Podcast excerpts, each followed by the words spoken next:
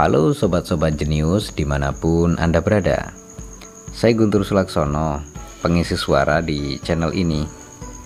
Saya sebenarnya lebih aktif untuk update buku-buku terbaru melalui channel youtube saya Namanya Baca Buku. Jadi buat teman-teman yang mau menyapa saya secara langsung Atau mau request buku-buku yang ingin dibacakan, teman-teman bisa mengunjungi channel YouTube saya namanya Baca Buku. Teman-teman bisa mengajukan request buku-buku yang ingin dibacakan atau sekedar say hello. Jadi oke okay ya teman-teman semuanya, selamat mendengarkan program audiobook Indonesia.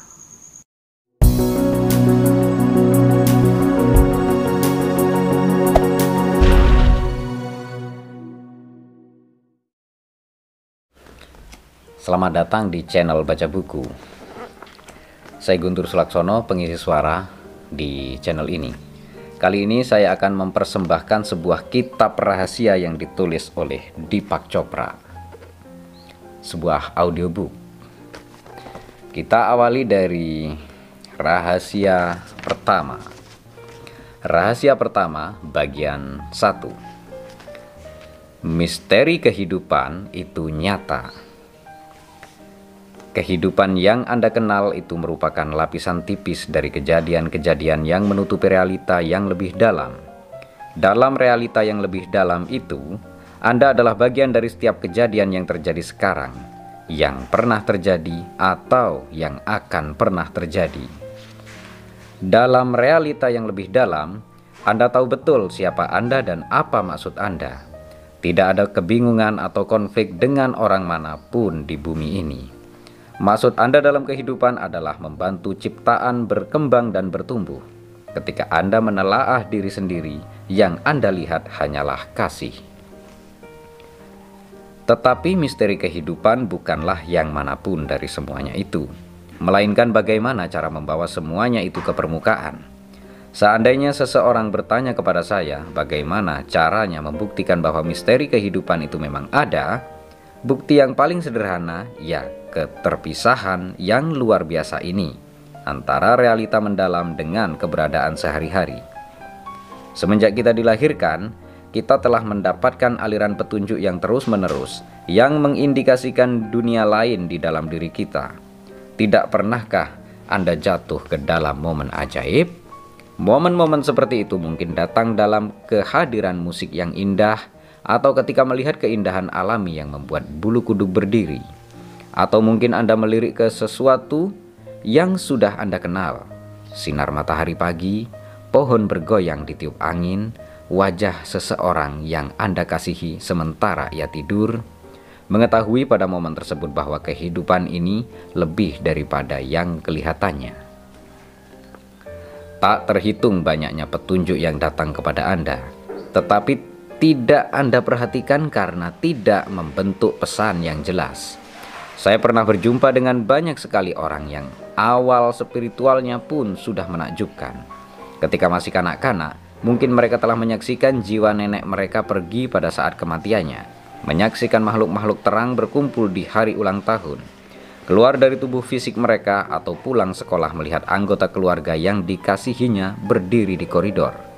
Walaupun orang tersebut baru saja meninggal dalam kecelakaan mobil yang tragis.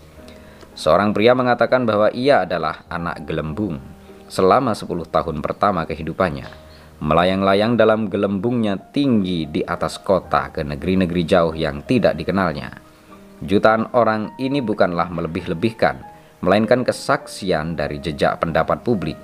Pernah menyaksikan diri mereka bermandikan cahaya putih kemilau seperti mutiara kadang-kadang. Atau mereka pernah mendengar suara yang mereka tahu datang dari Allah, atau mereka mempunyai pelindung yang tidak kelihatan ketika masih kecil, teman-teman rahasia yang melindungi mereka sementara mereka tidur. Ujung-ujungnya, jelaslah bagi saya bahwa lebih banyak orang yang mengalami hal-hal semacam itu. Pelayaran yang betul-betul rahasia ke dalam realita yang terpisah dari realita yang sekarang ini oleh selubung tipis ketidakpercayaan daripada tidak. Menyingkapkan selubung tersebut berarti mengubah persepsi Anda sendiri. Ini adalah pergeseran yang pribadi, sepenuhnya subjektif, tetapi sangat nyata. Dari manakah Anda memulai memecahkan misteri yang ada di mana-mana, tetapi entah bagaimana tidak pernah membentuk pesan yang utuh? Seorang detektif besar seperti Sherlock Holmes akan memulai pencariannya dari suatu kesimpulan dasar. Ada sesuatu yang belum dikenal, ingin dikenal. Misteri yang tidak ingin dikenal akan terus saja mundur ketika Anda semakin dekat dengannya. Misteri kehidupan tidaklah berperilaku demikian. Rahasia terungkap segera kalau Anda tahu ke mana Anda harus mencarinya. Tetapi ke mana dong? Hikmah tubuh adalah titik tolak yang baik untuk memasuki dimensi-dimensi kehidupan yang tersembunyi. Sebab walaupun sama sekali tidak kelihatan, toh hikmat tubuh itu tidak dapat disangkal realitanya. Fakta yang mulai diterima oleh para periset medis di pertengahan tahun 1980-an. Pandangan sebelumnya adalah bahwa kapasitas otak untuk intelijensi itu unik. Tetapi kemudian tanda-tanda intelijensi mulai ditemukan dalam sistem kekebalan tubuh, lalu dalam sistem pencernaan. Dalam kedua sistem tersebut, molekul-molekul utusan khusus bisa diamati beredar melalui setiap organ, membawakan informasi dari dan ke otak, tetapi juga berfungsi sendiri.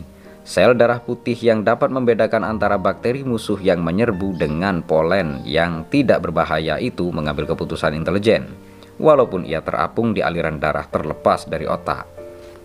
Sepuluh tahun yang lalu, mungkin akan menggelikan tampaknya kalau mengatakan bahwa usus itu intelijen. Saluran pencernaan ini dikenal memiliki ribuan ujung saraf, tetapi semuanya itu hanyalah pos-pos yang berlokasi jauh dari sistem saraf. Cara sistem saraf untuk menangani urusan rendahan berupa mengambil nutrisi dari makanan. Sekarang ternyata usus itu toh bukan rendahan juga.